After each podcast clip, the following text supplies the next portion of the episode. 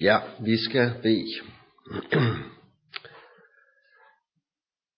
Og kære Gud og Far, tak at du i dit ord fører os ind i dine helligdomme, så vi forstår det, som vi ikke er selv forstår.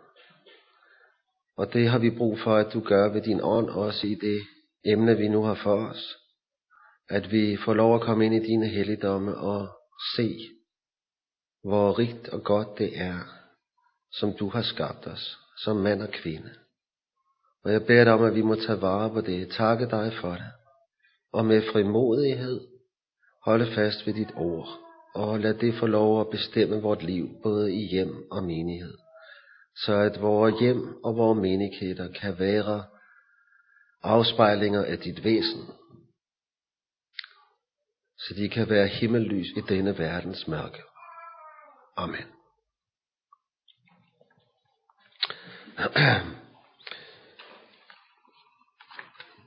Ganske kort en opsummering af det, vi så på i den første samling om dette emne. Gud har skabt os som mand og kvinde i sit billede. Mennesket i ental er mand og kvinde og som Gud er en og mere end en, som faderen og sønnen står i et forhold til hinanden, hvor faderen er håbet, og sønnen er underordnet faderen som sit hoved, uden at være mindre Gud, uden at være af mindre værdighed og ære end faderen, fuldt og helt Gud. Sådan er også dette forhold mellem manden og kvinden, manden som hovedet, og kvinden som underordnet ham. Begge lige fuldt og helt mennesker, men til sammen afspejlende det inderste i Guds væsen. Manden kaldet til at lede ved at tjene, sætte hensynet til sig selv og sine egne ønsker og ambitioner og drømme og mål i anden række i forhold til det at tjene hustruen at hun må leve og trives, som Kristus gav sig selv hen for kirken. Er manden kaldet til at ofre sig selv og give sig hen for hustruen, til gavn og velsignelse og liv for hende. Ofre sig. Gamle Adam siger nej, men det er en velsignet tjeneste. Og sådan er kvinden kaldet til at respektere manden og støtte ham i denne lederopgave, hvor han leder ved at tjene. Støtte ham i det, vise respekt for ham og underordne sig ham som lederen. Og gamle Adam siger også nej i kvinden i forhold til denne rolle, men det er velsignet, når mand og kvinde møder hinanden i gensidig tjeneste. Ydmyger sig i gensidigt samarbejde øh, på hinandens glæde der er der et himmeri på jord, som er en afspejling af Guds væsen. Det er forholdet mellem mand og kvinde i hjemmet. Og øh,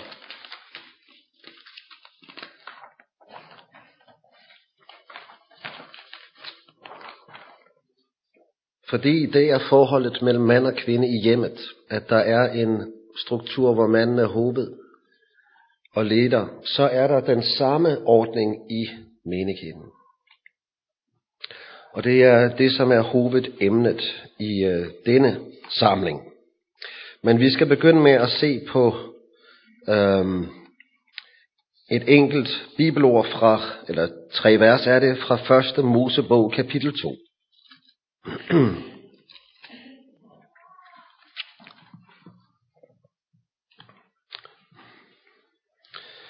Og øh, i kapitel 1 har vi hørt, at Gud har skabt mennesket i sit billede som mand og kvinde. Og øh, så hører vi om den samme skabelse fra en ny vinkel i kapitel 2. Og her hører vi, at Adam er skabt først. Og så hører vi fra vers 15. Første Mosebog 2, vers 15. Gud Herren tog mennesket og satte ham i Edens hage til at dyrke og vogte den. Og Gud Herren bød mennesket, at hvert træ i hagen kan du frit æde, men træet til kundskab om godt og ondt må du ikke æde af. For den dag du æder af det, skal du visselig dø. Det siger Gud til Adam. Så Adam er alene først, og han modtager som den første både Guds kald og opgave med at dyrke haven. Kulturkaldet. Det grundlæggende kald at tage vare på haven og på jorden. Og Adam møder også som den første Guds øh, vejledning om, hvad han må og ikke må. Du må spise af alle træer undtagen et. Det ord modtager Adam. Eva er ikke skabt endnu. Hvem modtager Adam det fra? Han modtager det fra Gud, som er Adams hoved. Gud er hoved for Adam og giver ham denne vejledning. Så hører vi derefter, at Eva skabes. Og hvem modtager hun ordet fra? Kulturkaldet og vejledningen, dette må du, og dette må du ikke. Det modtager hun fra manden. Så manden står i denne rolle som hoved for kvinden og giver ordet til hende. Som Gud er hoved for manden, er manden hoved for kvinden. Og det er noget, som øh, apostlene lægger vældig vægt på i det nye testamente. Manden skabes først, han får ordet først, han får rollen med at give det videre til kvinden. Så hører vi vers 18. Så sagde Gud Herren, det er ikke godt for mennesket at være alene. Jeg vil gøre ham en medhjælp, som er hans lige. Og så hører vi, at dyrene skabes, og han finder ingen medhjælp, som er hans lige.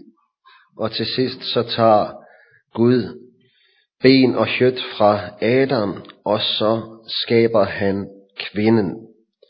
Og hun er hans lige, og hun bliver hans medhjælp.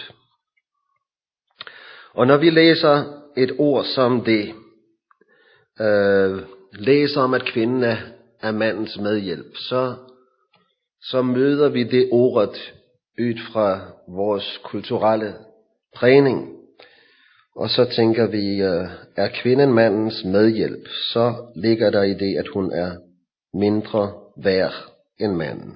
Det kan ikke være anderledes. Sådan er Bibelens syn åbenbart.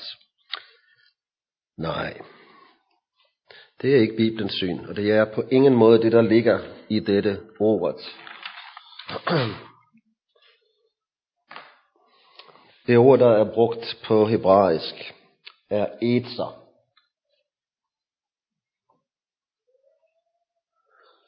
Det betyder en hjælper. Og det møder du mange steder i Gamle Testamentet. To tredjedele. Siger I sådan på norsk? To tredjedele? Ja, to tredjedele af de gange, hvor I møder det i Gamle Testamentet, så er det Gud, som omtales som vores etser, vores hjælper. Vi har behov for hjælp, og Gud er vores hjælper. Manden klarer sig ikke alene. Det er ikke godt for mennesket, for Adam at være alene. Han har brug for en hjælp.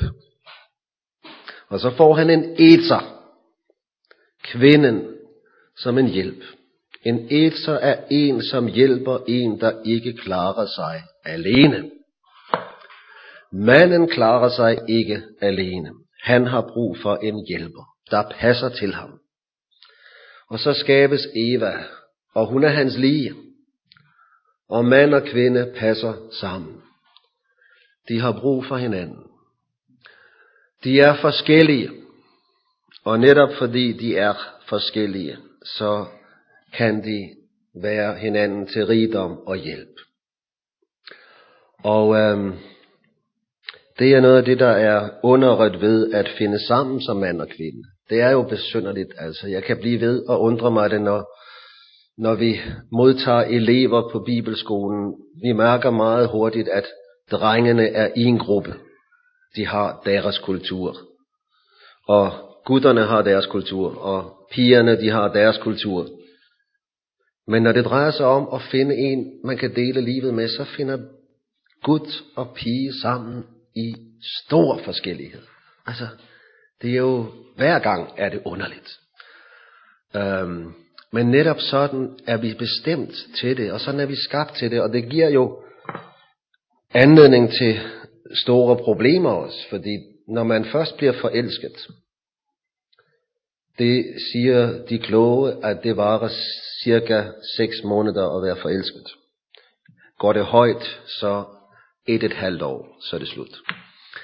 Men når man først bliver forelsket, så tænker man, uh, hvor er vi øh, ens, hvor er vi lige. Vi tænker ens og føler ens, og, og så når, når forelskelsen så driver af, så kommer det store chok. Hvem er det, jeg har her? Og hvor er hun underlig? Hvor er hun besønderlig? Hvor er hun ubegribelig? Øh, hun er så forskellig fra mig, og hvordan kan det gå? Øhm, og så kommer den store krise. Og jeg hører det fra det ene øh, par efter det andet blandt vores elever, at sådan erfarer de det. Og så kommer den tredje fase. Og den tredje fase er, at man erfarer, at det er jo en rigdom, at vi er så forskellige. Og vi udfylder hinanden, og vi supplerer hinanden, og vi lærer af hinanden, og vi udvikler hinanden. Og vi bliver aldrig færdige med det. Denne forskellighed er en velsignelse. Kvinden er skabt som en eter, der er en hjælp for manden og passer med ham, passer til ham. Og er helt ligestillet med manden i ære og værdighed.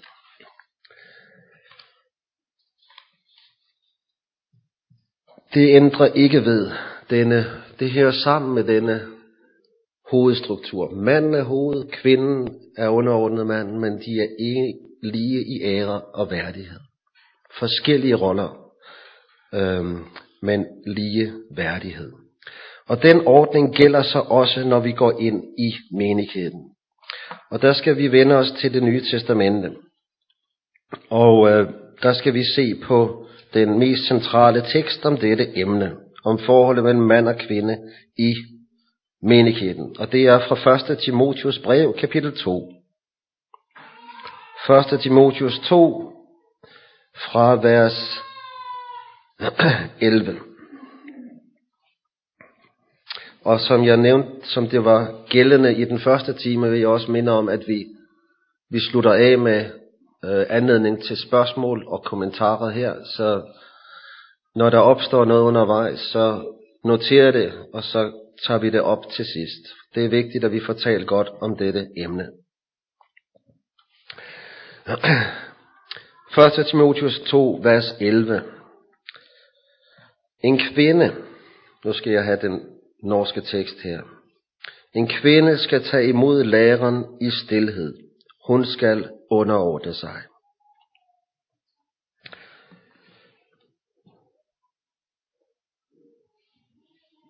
Det er interessant, at øh, hmm, der er noget, som ikke er med i den norske tekst, som er med i den danske. Øh, I den danske tekst har vi det med, at hun skal underordne sig i alt. Det står det i nogle af jeres norske udgaver. Findes ikke der? Det står hos dig. Hvilken udgave er det? Ja, okay. Det står der på græsk, så man kan undre sig. Det er, det er ikke uvæsentligt at få det med. Fordi øh, vi blev mindet om det i den første time om dette, at i hjemmet og i ægteskabet gælder det, at manden, kvinden er underordnet i alt. Underordner sig under mandens ledelse i alt. Og det kan vi måske godt forstå, men i vores, øh, læ, vores, vores bedehustradition i Norden, så har der kommet en tanke ind om, at når vi går ind i menigheden, så er kvinden kaldet til at underordne sig i åndelige spørgsmål i læremæssige spørgsmål. Og den skælden, den finder du ingen steder i skriften. At når vi går ind i menigheden, så, så kløves mandens hoved, og han er kun hoved i åndelige og læremæssige spørgsmål, men ikke i praktiske, økonomiske og strategiske spørgsmål. Nej, det er ikke et kløvet hoved, det er et helt hoved. Øh, og det er mandens ledelse gælder her i, i alt. Så skal vi bemærke for det andet, at når kvinden her kaldes til stillhed, så er det i en bestemt situation. Det er, når der gives øh, undervisning i den kristne tro og lære. Når menigheden får myndig vejledning i kristen tro og liv, får undervisning ud fra Guds ord i, hvad må vi tro og hvad må vi gøre, så er i den situation kun mænd kaldet til at tale. Det er en rolle og en tjeneste, der hører hovedet til. For her udøves der myndighed i menigheden. Så når der undervises i, hvad vi må tro og gøre som kristne, så er det en rolle og en tjeneste, der er forbundet med myndighed, og den må så varetages af dem, som har hoved, øh, rollen og hovedansvaret.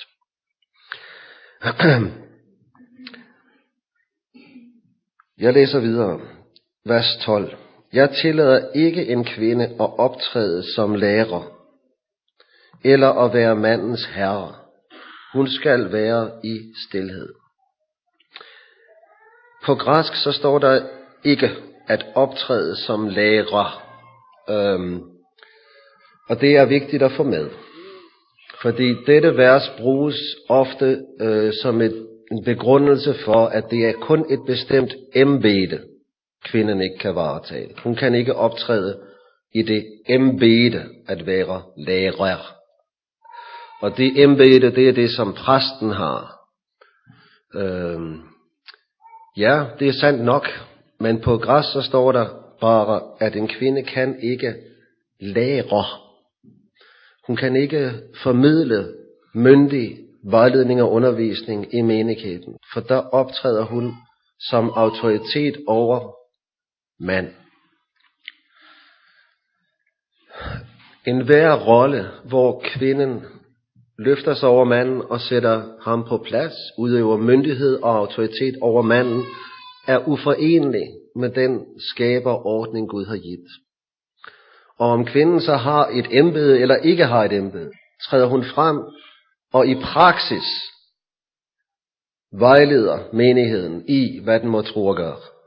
Så lærer hun, og så udøver hun myndighed over også mændene i menigheden. Og det er det, Paulus advarer mod her. Han værner, han værner en velsignet ordning. Den, som er kilden til velsignelse i mit ægteskab. Når jeg går ind i den rolle, hvor jeg tjener Leila og mine børn, så blomstrer Leila, og så blomstrer børnene. Og når hun støtter mig i det, så er det et velsignet ægteskab. Det er kilden til velsignelse. Men skal den ordning værnes, så må den værnes både i hjemmet og i menigheden. Det er det, vi må have for os. Det er denne rige, velsignede ordning, hvor jeg bliver sat på plads som mand. Ikke tjener mig selv og mit eget, men tjener min hustru og mine børn. Den velsignede ordning er det. Og det er den samme velsignede ordning, der gælder i menigheden. Jeg har brug for at minde mig selv om det. Og jeg har brug for at minde jer om det. Det er, det er en, en øh, kilde til liv og glæde og velsignelse i ægteskab og hjem, vi her værner om. Paulus' øh, vejledning øh, på dette område er ikke bestemt af den tid, han var i. Det er det, vi hører jo. Paulus han øh, genspejler den tids syn på kvinden. Hvordan begrunder Paulus denne vejledning for menigheden, at kvinden ikke må udøve myndighed over manden i menigheden? Prøv at se vers 13. For Adam blev skabt først, derefter Eva. Paulus' begrundelse for, at det er sådan, den har at gøre med selve den måde, vi er skabt på. Manden skabes først. Han får Guds ord og vejledning først. Gud giver som hoved vejledning til manden, derefter giver manden som hoved vejledning til kvinden. Det gælder fra skabelsen, og derfor gælder det på tværs af alle tider og kulturer. Og derfor gælder det også i dag. Og det i, i, jeg håber, I vil blive chokeret, hvis I hørte, hvordan teologer forsøger at komme uden om dette vers 13. Det er utroligt, hvad man er villig til at gøre for at komme uden om vers 13 som begrundelse her. Man vil have det til, at Paulus er bestemt af sin tid og kultur. Men Paulus apostlen begrunder det med Guds skabelse. Derfor har det gyldighed til enhver tid, også i dag. Vi skal senere se, at Paulus bestemt ikke er bestemt af sin tid. Det næste vers 14. Adam blev ikke dåret, men kvinden blev dåret og faldt i overtrædelse. Hvis det var det eneste vers i Bibelen om forholdet mellem mand og kvinde, og begrundelse for forholdet mellem mand og kvinde, så kunne man tænke, at den ordning, som er for forholdet mellem mand og kvinde, det er en straffeordning. Kvinden faldt i synd, så straffes hun ved at skulle underordnes manden. Men nu har vi læst i vers 13, at denne ordning var der fra skabelsen. Det er en god ordning. Vi må regne med, at den ordning skal være der i evighed på den nye jord. Samme forhold mellem mand og kvinde. Hvad er så meningen med vers 14?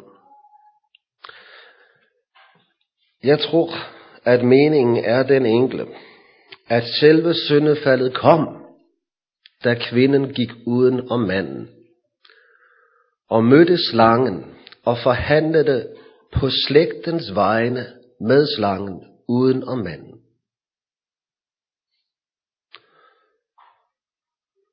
Der skete syndefaldet. Kvinden optrådte som repræsentant for hele slægten, da hun mødte slangen, og hun handlede og talte på vegne af hele slægten, og der kom syndefaldet. Jeg tror, det er det, som er Paulus' anlæggende her. Han vil vise, hvad der sker, når vi bryder ordningen. Der åbner vi for syndens nedbrydende kræfter i vores liv. Og det gør vi både i, i menighed og i ægteskab. Og netop sådan kom synden ind første gang. Synden kom ind første gang ved at kvinden brød denne ordning. Og så betyder det ikke, at Adam ikke har ansvar for syndefaldet, for det har han, og det understreger Paulus jo øh, andre steder ganske tydeligt. Så vers 15. Og det er ikke enkle vers, det her. Men hun skal blive frelst gennem sin barn, barnefødsel, så sandt de holder ved i tro og kærlighed og helliggørelse med sømmelighed. Hvad er meningen? Jeg tror, at øh, meningen er den, at Gud har bestemt et bestemt tjenesteområde for manden, som kvinden ikke kan trænge ind i. Og sådan har han også bestemt et tjenesteområde for kvinden, som manden ikke kan trænge ind i. Mandens tjenesteområde, det er at være den leder, der leder ved at tjene. Ved at ofre sig selv for hustru og børn. Og det tjenesteområde skal kvinden ikke trænge ind i. Hun har et andet tjenesteområde, som i bibelsk lys har en ubegribelig høj værdighed og ære. Hun giver liv til slægten. Og det agtes ikke i vores nordiske lande og kulturer i dag. Og det er der mange grunde til, at det ikke gør.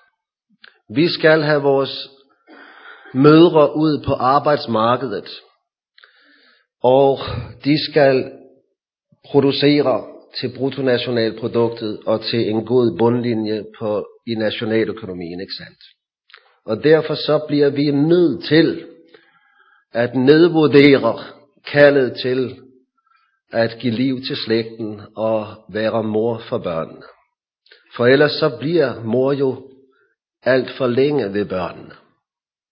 Så vi nedvurderer det, og så agter vi de kvinder højt, som kan hurtigt forlade børnene og være effektive og få karriere på arbejdsmarkedet. Ligesom vi i øvrigt også ærer de mænd, som kan gøre karriere på bekostning af hustru og familie og børn. Men her er vi anderledes i den kristne menighed. Vi regner mandens første kald for at være at ofre sig for hustruen og familien og børnene. Og sker det på bekostning af karrieren, så er det det.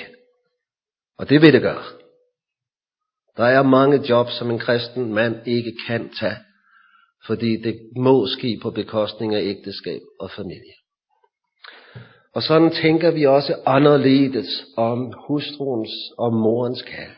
Og vi agter det højt, at en mor viser kærlighed til at omsorg for sine børn og giver liv til slægten.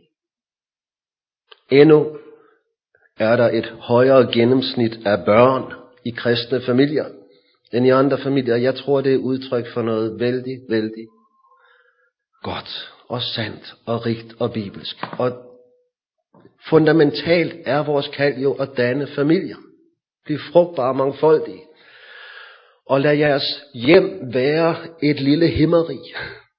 At tro på Jesus, at indbyrdes kærlighed, et lys i verden og opfostre børn og gøre det i et hjem, der er præget af Guds ånd, af evangeliets ånd og af kærlighed. Intet er større. Og nu minder Paulus om, at det som er kvindens kald på dette område, det må hun agte højt.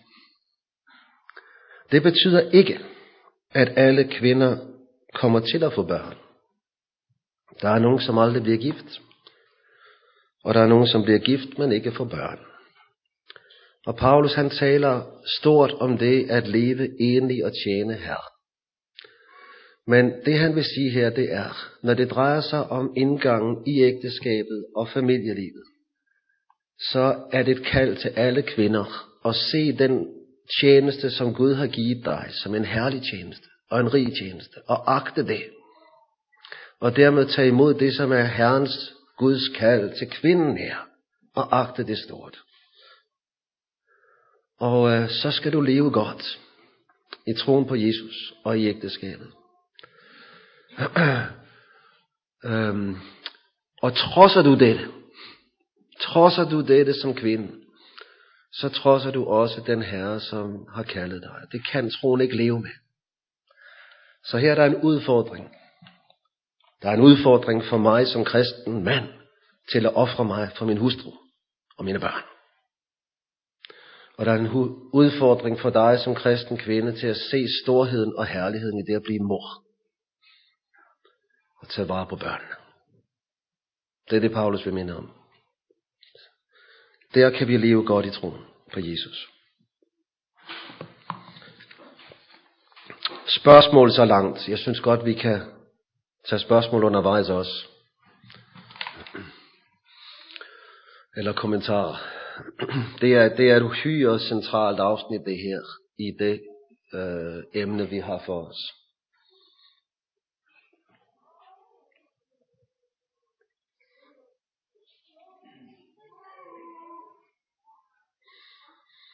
Yes.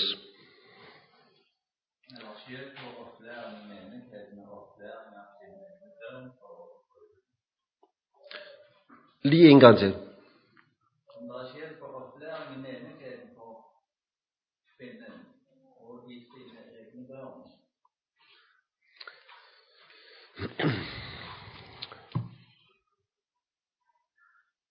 Om der er forskel på, om en kvinde oplærer sine egne børn, eller oplærer andres børn. Er det det? Ja. Der tror jeg, det er utrolig vigtigt at have, fast, have fat i, hvad det er, der er princippet her. Øhm, I vers 12, der har vi formuleret det helt centrale princip, når det drejer sig om tjenestedeling i menigheden. Der står,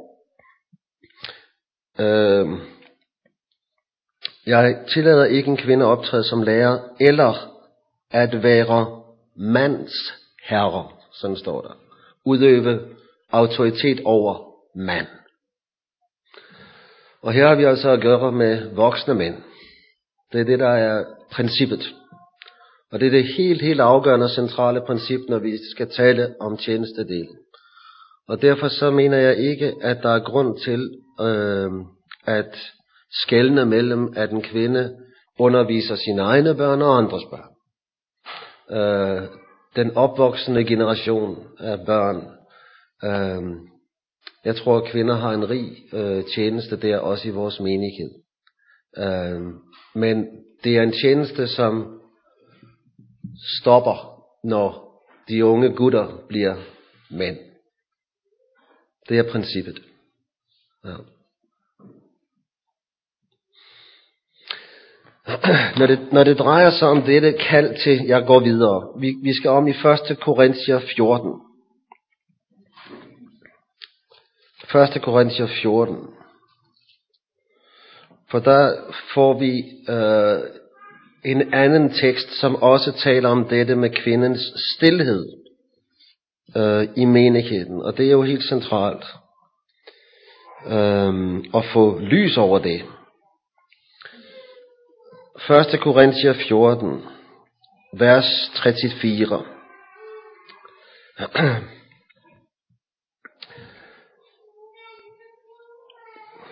Og I fornemmer, når vi gennemgår disse tekster, at vi, vi tager mange svære tekster frem. Det, men det er, det er gode tekster også, vigtige tekster.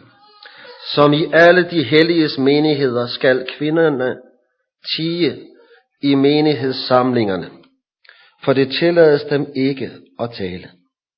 Men de skal underordne sig, som også loven siger. Men er det nogen, noget de vil have rede på, der skal de spørge sine egne mænd hjemme.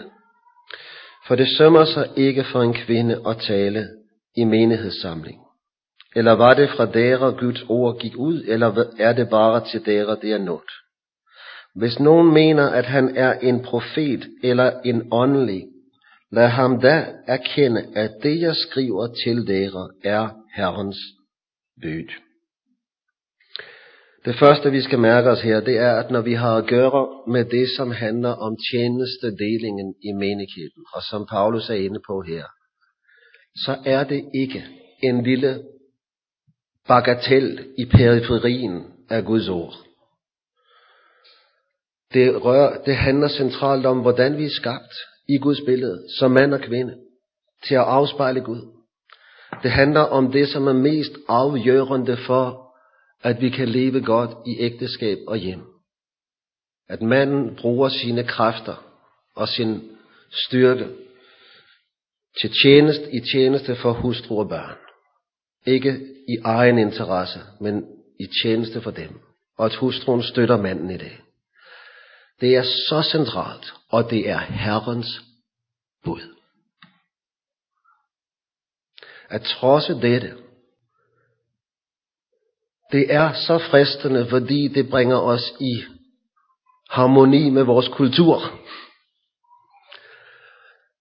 Men at denne accept af at trodse Guds ord på dette punkt, at den breder sig i vores forsamlinger, den er udtryk for et oprør mod det første bud. Du må ikke have andre guder end mig. Jeg, som har skabt dig i mit billede, det er Herrens bud, vi har med at gøre her. Det er ganske fundamentalt og vigtigt. Det rører ved vores hjerteforhold til Gud, når vi trodser hans ord. Det nedbryder troen i vores hjerter.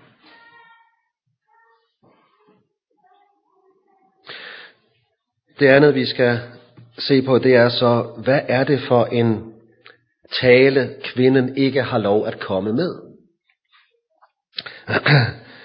Som i alle de helliges menigheder skal kvinderne tige. Hvis du går tre kapitler tilbage, øh, vi skal ikke gøre det, øh, det gør vi måske senere, men i kapitel 11 hører vi om, nej lad os kigge på det, lad os se det. Kapitel 11, ja, vi skal lige have det med kapitel 11, vers 4. Nej, vers øh, 5. Kapitel 11, vers 5. Hver kvinde, som beder eller taler profetisk med utildækket hoved, fører skam over sit hoved. Og øh, nu skal vi ikke tale om det med hovedbeklædningen nu.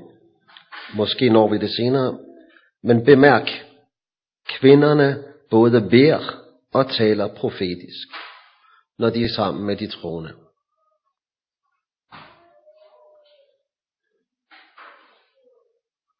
Tale profetisk, det er at tale ord til opbyggelse, opmundring og trøst. Ord, som Gud har lagt os på hjerte. Når vi er sammen her om aftenen klokken 9, så er der tid for vidnesbyrd. Vi kunne kalde det profetisk tale. Er der nogen, som har fået lagt noget på hjertet? Og så kommer mænd med vidnesbyrd, og kvinder kommer med vidnesbyrd. Ord, som Gud har lagt os på hjerte til opbyggelse, opmundring og trøst.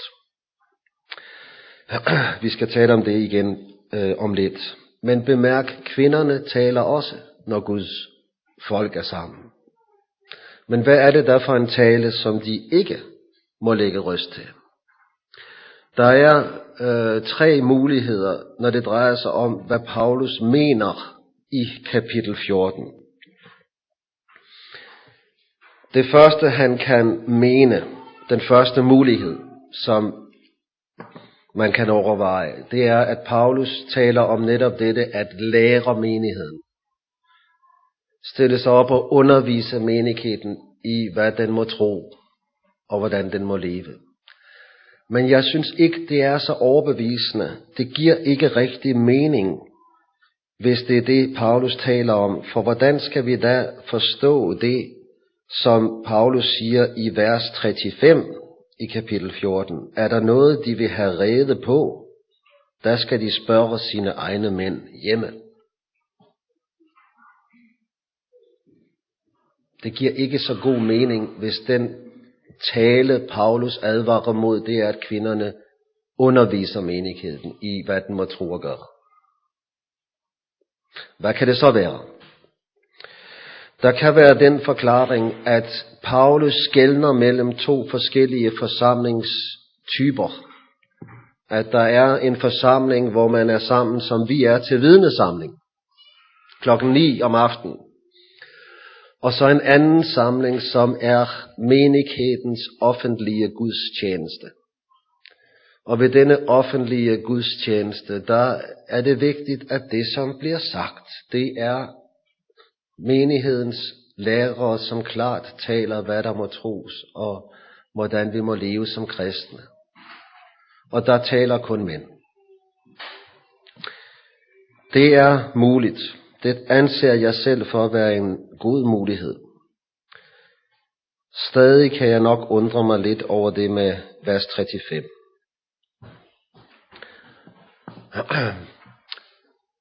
Den tredje mulighed, det er, at der er tale om det, som skete i synagogen, når nogle havde, når ordet havde været frit ved, øh, ved synagogens samlinger, og man havde kunnet tage ting frem fra Guds ord. Så bagefter, så var der en samtale, hvor man bedømte det, som var blevet sagt. Og man kunne stille spørgsmål til den, som havde aflagt vidnesbyrd, for at få afklaret, hvad mente du med det? Og har du overvejet, hvordan det hænger sammen med Jesaja 35 osv. Og vi møder lidt af det i Lukas 4, når Jesus kommer ind i synagogen i Nazareth. Han stiller sig op, og han kommer med et vidnesbyrd ud fra Esajas. Og da han har aflagt sit vidnesbyrd, så sætter han sig ned, og så kommer der en samtale. Og den samtale ender med, at de først siger ja til det, Jesus har sagt. Efterfølgende siger de nej. Men hvis du ser i det teksten her, så prøv at se på vers 29. Lad to eller tre profeter tale, og de andre skal prøve det. I den kristne forsamling har der også været en prøvelse. Og der har myndigheden jo ligget hos dem, som har prøvet det. Dem, som har stillet spørgsmål. I kender situationen fra en eksamen. Der ligger myndigheden hos dem, som spørger. Og øh, sådan har det været her, at man har kunnet stille spørgsmål for at få klarhed over, hvad mente du med det? Og der ligger myndigheden hos dem, som spørger. Og i denne samtale, det er, derfor er det kun mændene, der tager del i den samtale. For der udøves myndighed. Og hvis kvinderne vil have noget at vide, så må de spørge deres egne mænd hjemme. Det er for mig der, hvor jeg selv er landet foreløbig. Men det er, jeg tror mest på den mulighed. Men jeg er meget åben også for den, jeg nævnte som nummer to.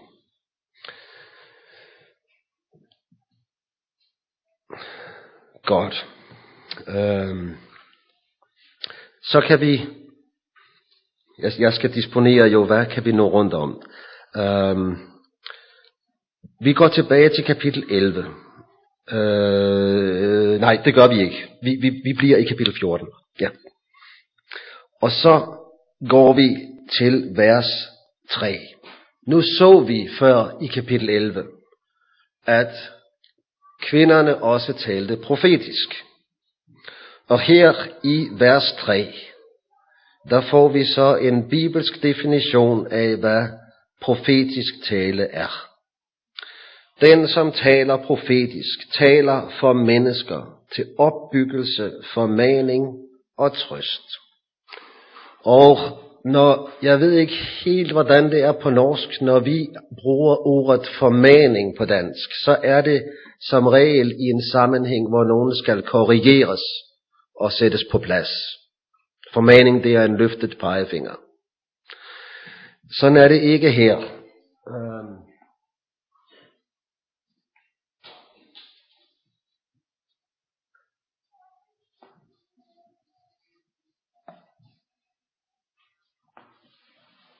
Ja, det er min, min skrift, beklager.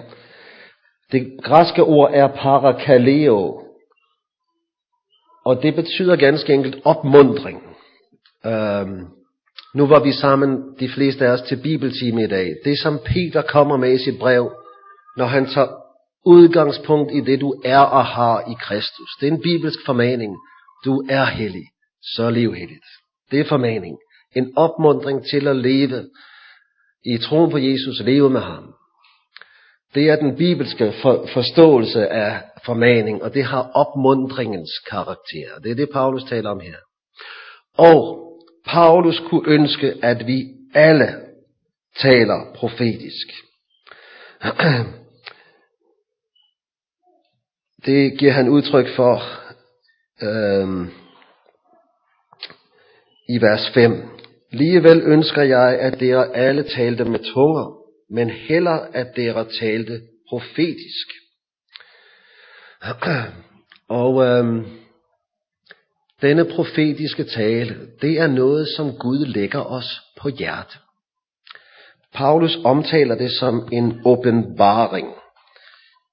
Og øhm, jeg skal se her. Øhm, vi ser på vers 29 og 30. Lad to eller tre profeter tale, og de andre skal prøve det. Men hvis en anden får en åbenbaring, mens han sidder der, der skal den første tige. For dere kan alle tale profetisk, en for en, så alle kan lære noget og blive formanet. Prøv at lægge mærke til det. Hvis du lægger mærke til, hvad Paulus siger her, når han så taler om at få en åbenbaring, så taler han om det, som er baggrunden for, at man kan tale profetisk. Man får åbenbaret noget, som Gud åbenbarer for ens hjerte. Og så kan man tale profetisk.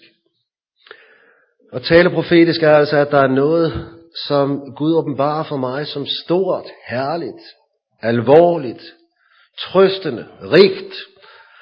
Og det, som den ene får som sin åbenbaring, det ønsker Paulus, at det skal blive alle til hjælp. Det, som øh, den enkelte får som åbenbaring, det skal blive til hjælp for alle. Det øh, prøv at se i kapitel 12. kapitel 12, vers 7.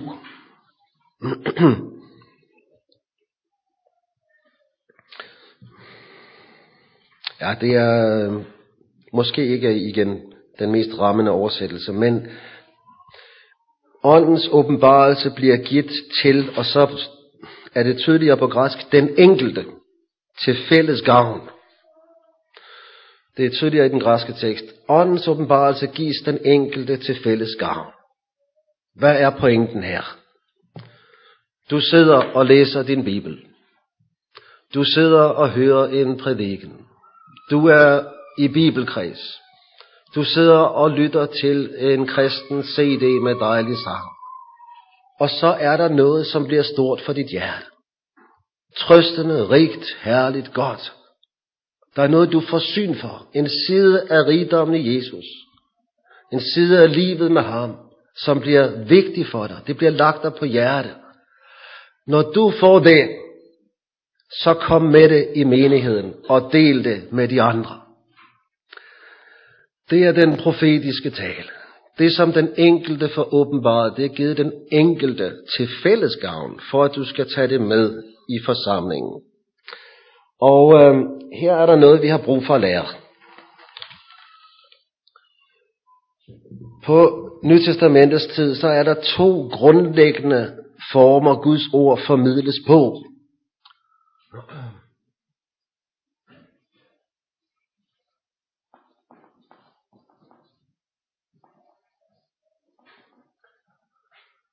Der er den form, som I oplever nu. Der er nogle, som er kaldet til at være hyrder og lærere og arbejder med Guds ord for at træde frem og undervise menigheden i det, som er øh, det, som vi må tro og gøre. Det er den monologiske formidling af Guds ord.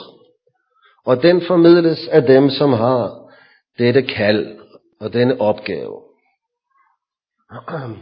Men så er der en anden form, som fylder rigtig meget i Nye Testamentets menigheder.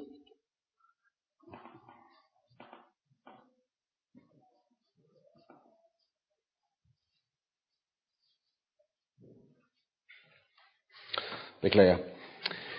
Men her sidder vi ikke sådan øh, vendt samme vej måske, men vi sidder som vi sidder om aftenen her. Vi sidder i rundkreds. Og så kommer en vær med det, som han eller hun har fået lagt på hjerte.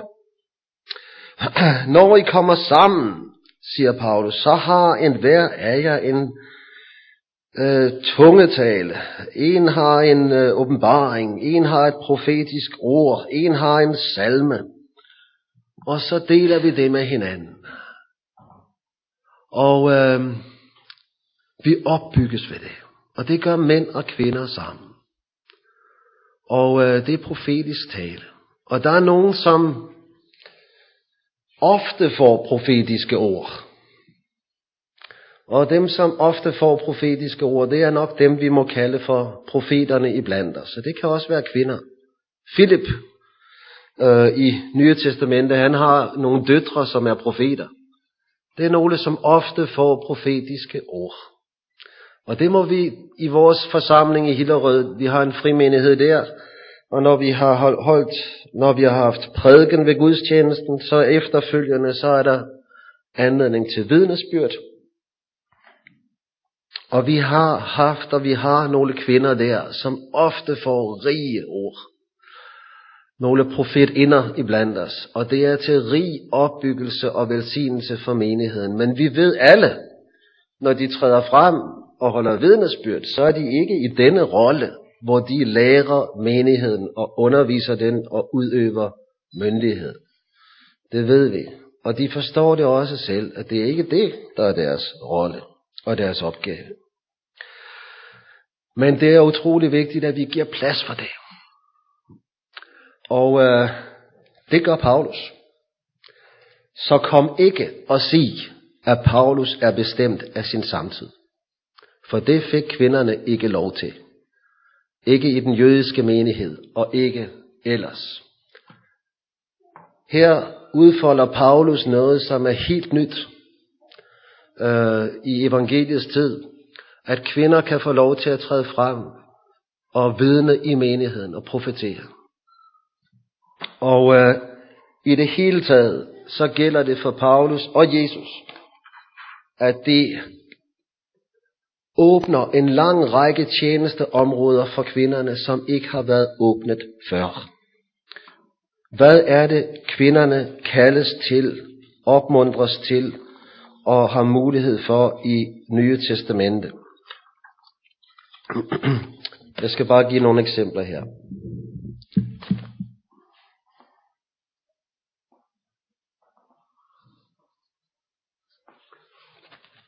Evangeliserer og missionerer.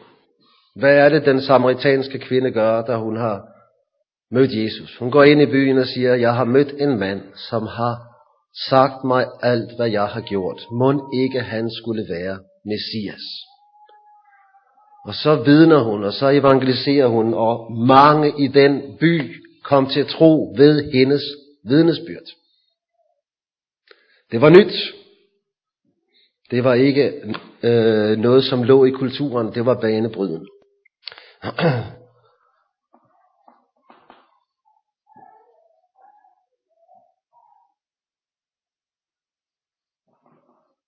Jeg har nævnt det her med vidnesbyrd i menigheden, profetisk tale i menigheden.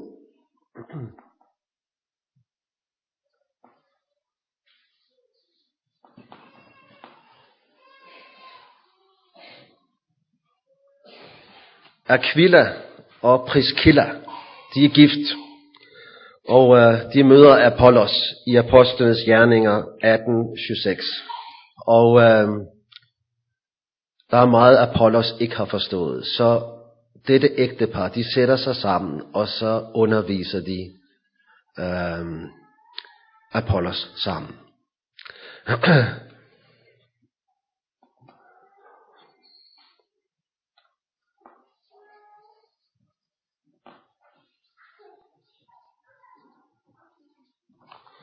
Alle kristne er kaldet til at træde frem, så sandt Gud giver dem at kunne vidne med salmer, hymner og åndelige sange, også kvinderne i blandt os.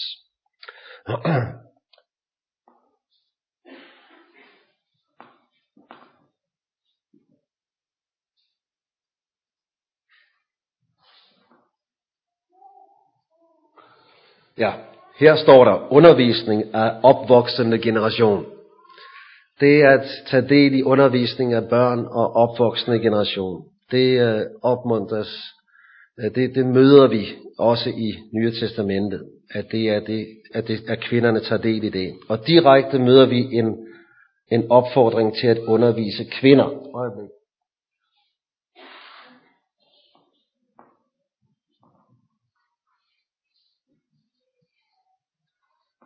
Prøv at slå op på Titus 2, 3 til 5. Titus 2.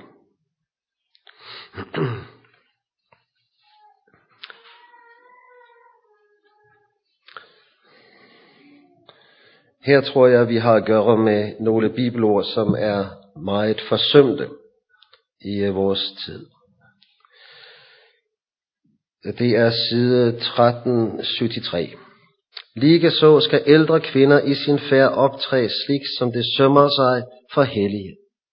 De skal ikke fare med sladder, heller ikke må de være henfaldende til drik, men de må være lærere i det gode, slik at de kan lære de unge kvinderne til at elske sine mænd og sine børn, til at være sindige, rene, huslige, gode, lydige mod sine egne mænd, for at Guds ord ikke skal blive spottet. Og det her kunne jeg for min egen del meget gerne ønske, at vi kunne udfolde mere. Jeg underviste om dette emne for et år siden på vores egen bibelcamping øh, i Danmark. Og efterfølgende kom nogle piger og spurgte, kunne vi ikke få øh, nogle modne kvinder til at undervise os sådan her. Og jeg har forsøgt at få nogen til det. Men det er ikke lykkedes endnu. Fordi den under, her stopper det, jeg kan. Jeg kan som lærer sige noget overordnet. Men at give den, denne undervisning i, hvordan er det en kvinde rettelig øh, går ind i sin gudgivende opgave og rolle i ægteskab og hjem, og hvordan kan hun udfolde det? Det kan jeg ikke tale om med den erfaringstyngde, som en øh, moden kvinde kan. Så her har vi brug for at, at bede og hjælpe og kalde og støtte kvinder frem til at modne kvinder til at undervise yngre kvinder. En sidste ting vil jeg nævne, jeg skal snart til at runde af, er det et problem?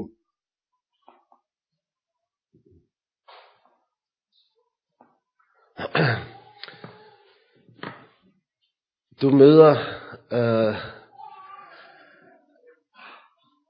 mange eksempler på øh, samtale i skriften, hvor at de som samtaler sammen hjælper hinanden på vej mod himlen.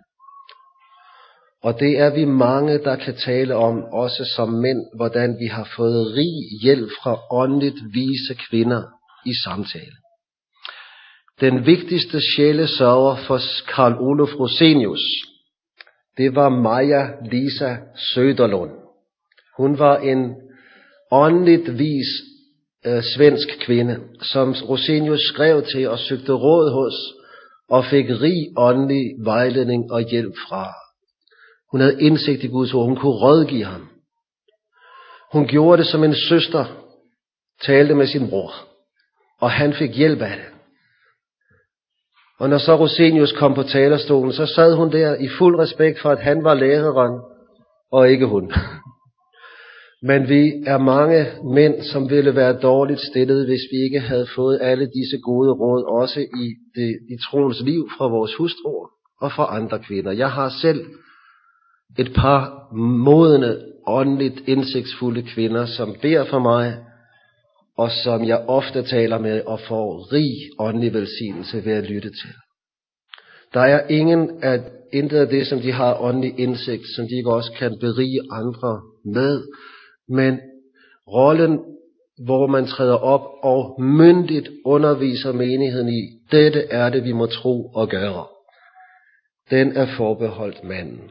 Og det er også der, grænsen så går. Og det er ikke så helt enkelt at definere det.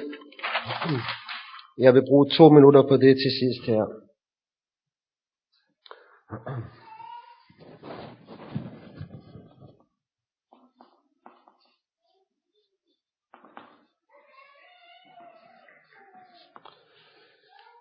Hvordan skældner vi her mellem lærertale og profetisk tale?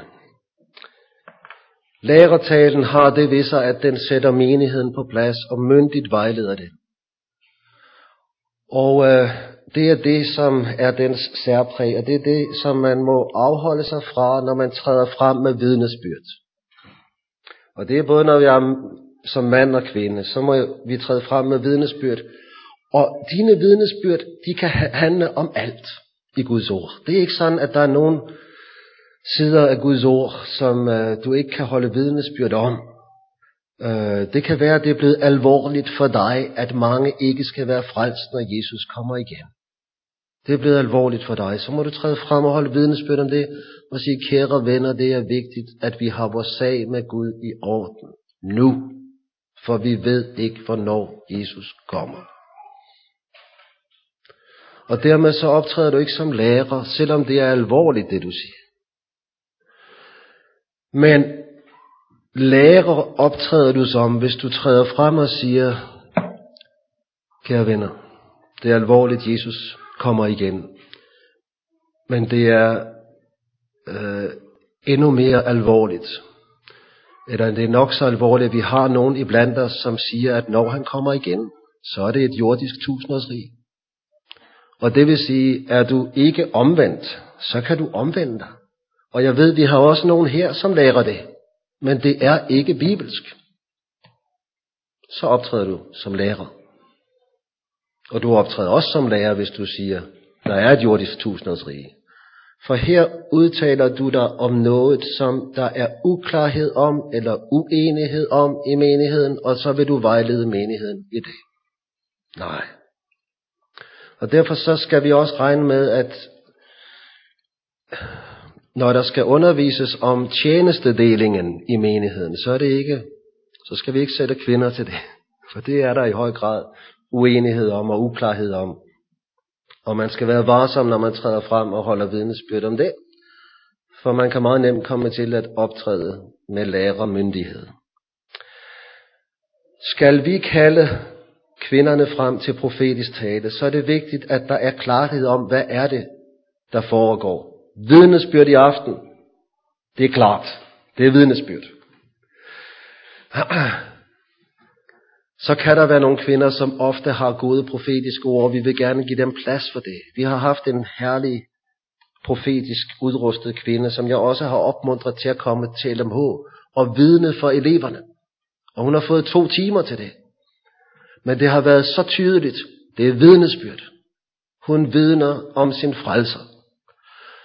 Og det har hedet vidnesbyrd. Og hun har selv understreget det. Jeg er ikke lærer, men jeg vil vidne om min frelser. Vidnesbyrd, det er noget andet. Så der må være klarhed i, hvad der foregår, og så må der være klarhed i, hvad vi, hvad der kommer indhold her, for at skelne mellem lærertale og profetisk tale. Ja.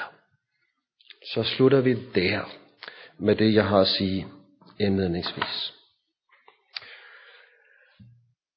Spørgsmål til dette her.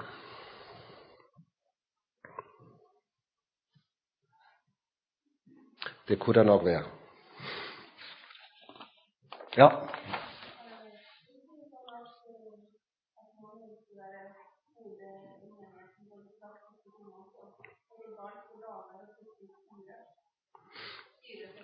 Mm-hmm.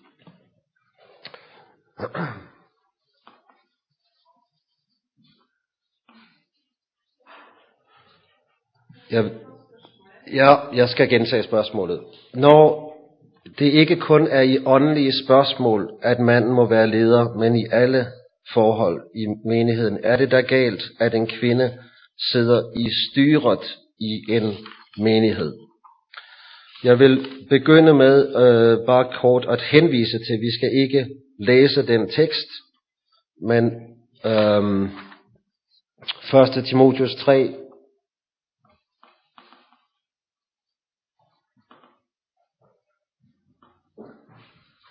1. Timotius 3, 1-7. Vi har set på 1. Timotius 2. I 1. Timotius 2 understreges det, at det er manden, som må optræde som lærer.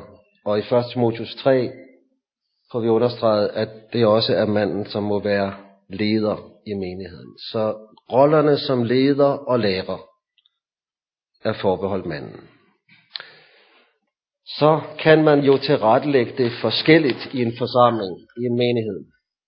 Og øhm, sådan som det foregår i Luthersk Missionsforening, hvor jeg kommer fra, der har vi to modeller.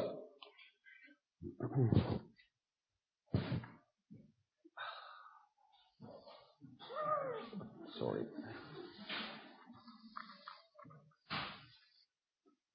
Mm.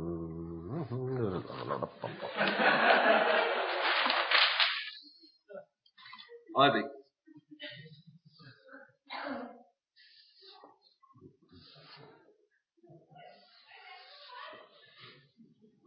Nu skal I høre. Ja, der er en mening. Det her det er menigheden, og det her det er ledelsen.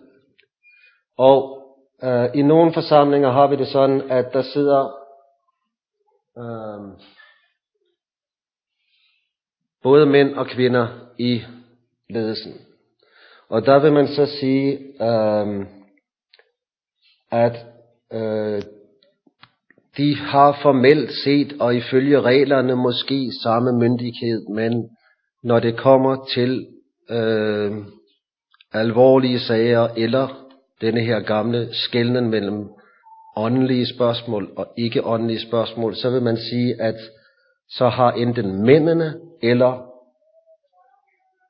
formanden øh, den øverste myndighed, og formanden skal så være en mand. Problemet med det er, at det er meget tilfældigt og meget uklart, hvordan tingene så i praksis kommer til at fungere. Og derfor så er der flere og flere af vores forsamlinger, som går over til at have en todelt ledelse. Um,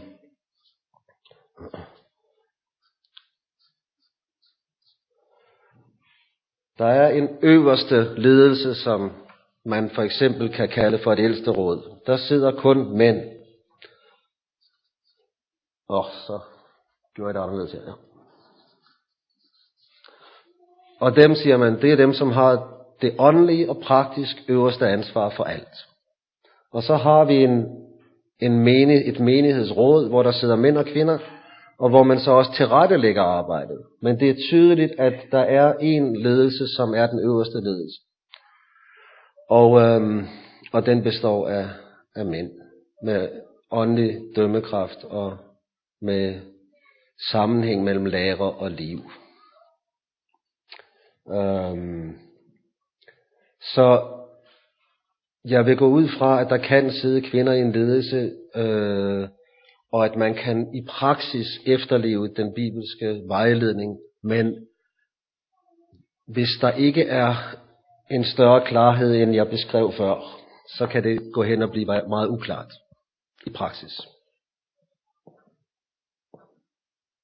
Det er min vurdering. Ja. Andre kommentarer til det? Jeg, jeg, jeg, kommer, jeg husker ikke, hvordan det er i sambandet, så det er måske meget godt.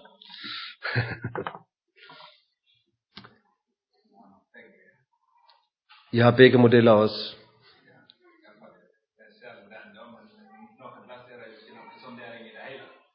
Mm-hmm. Ja. Altså, der, der hører mere med til billedet også hos os. Men det her det er bare på lokalplanet. Vi har jo så, ligesom I har regioner nu, så har vi også en slags regionsstyre over forsamlingerne, hvor der kun sidder mænd. Og nogle gange så siger man, det, det er den øverste ansvar er, og ikke i lokalforsamlingen. Men realiteten er, at lokalforsamlingen står selv for at kalde prædikanter og så videre. Det er praksis. Ja. Yes, vi skal til at slutte. Et sidste spørgsmål. Så må I godt komme og stille spørgsmål også bagefter. Jeg tror, vi siger tak for noget. Ja.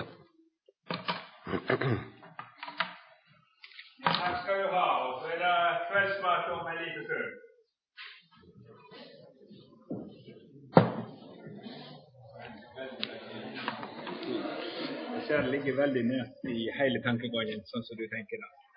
Jeg ville fortsatt komme med en liten en når det gjelder når to og tre. For det første så tror jeg de er nærere hverandre enn en behøver. For, for ja. der er det bare at det blir en praktisk skjelning i tanken.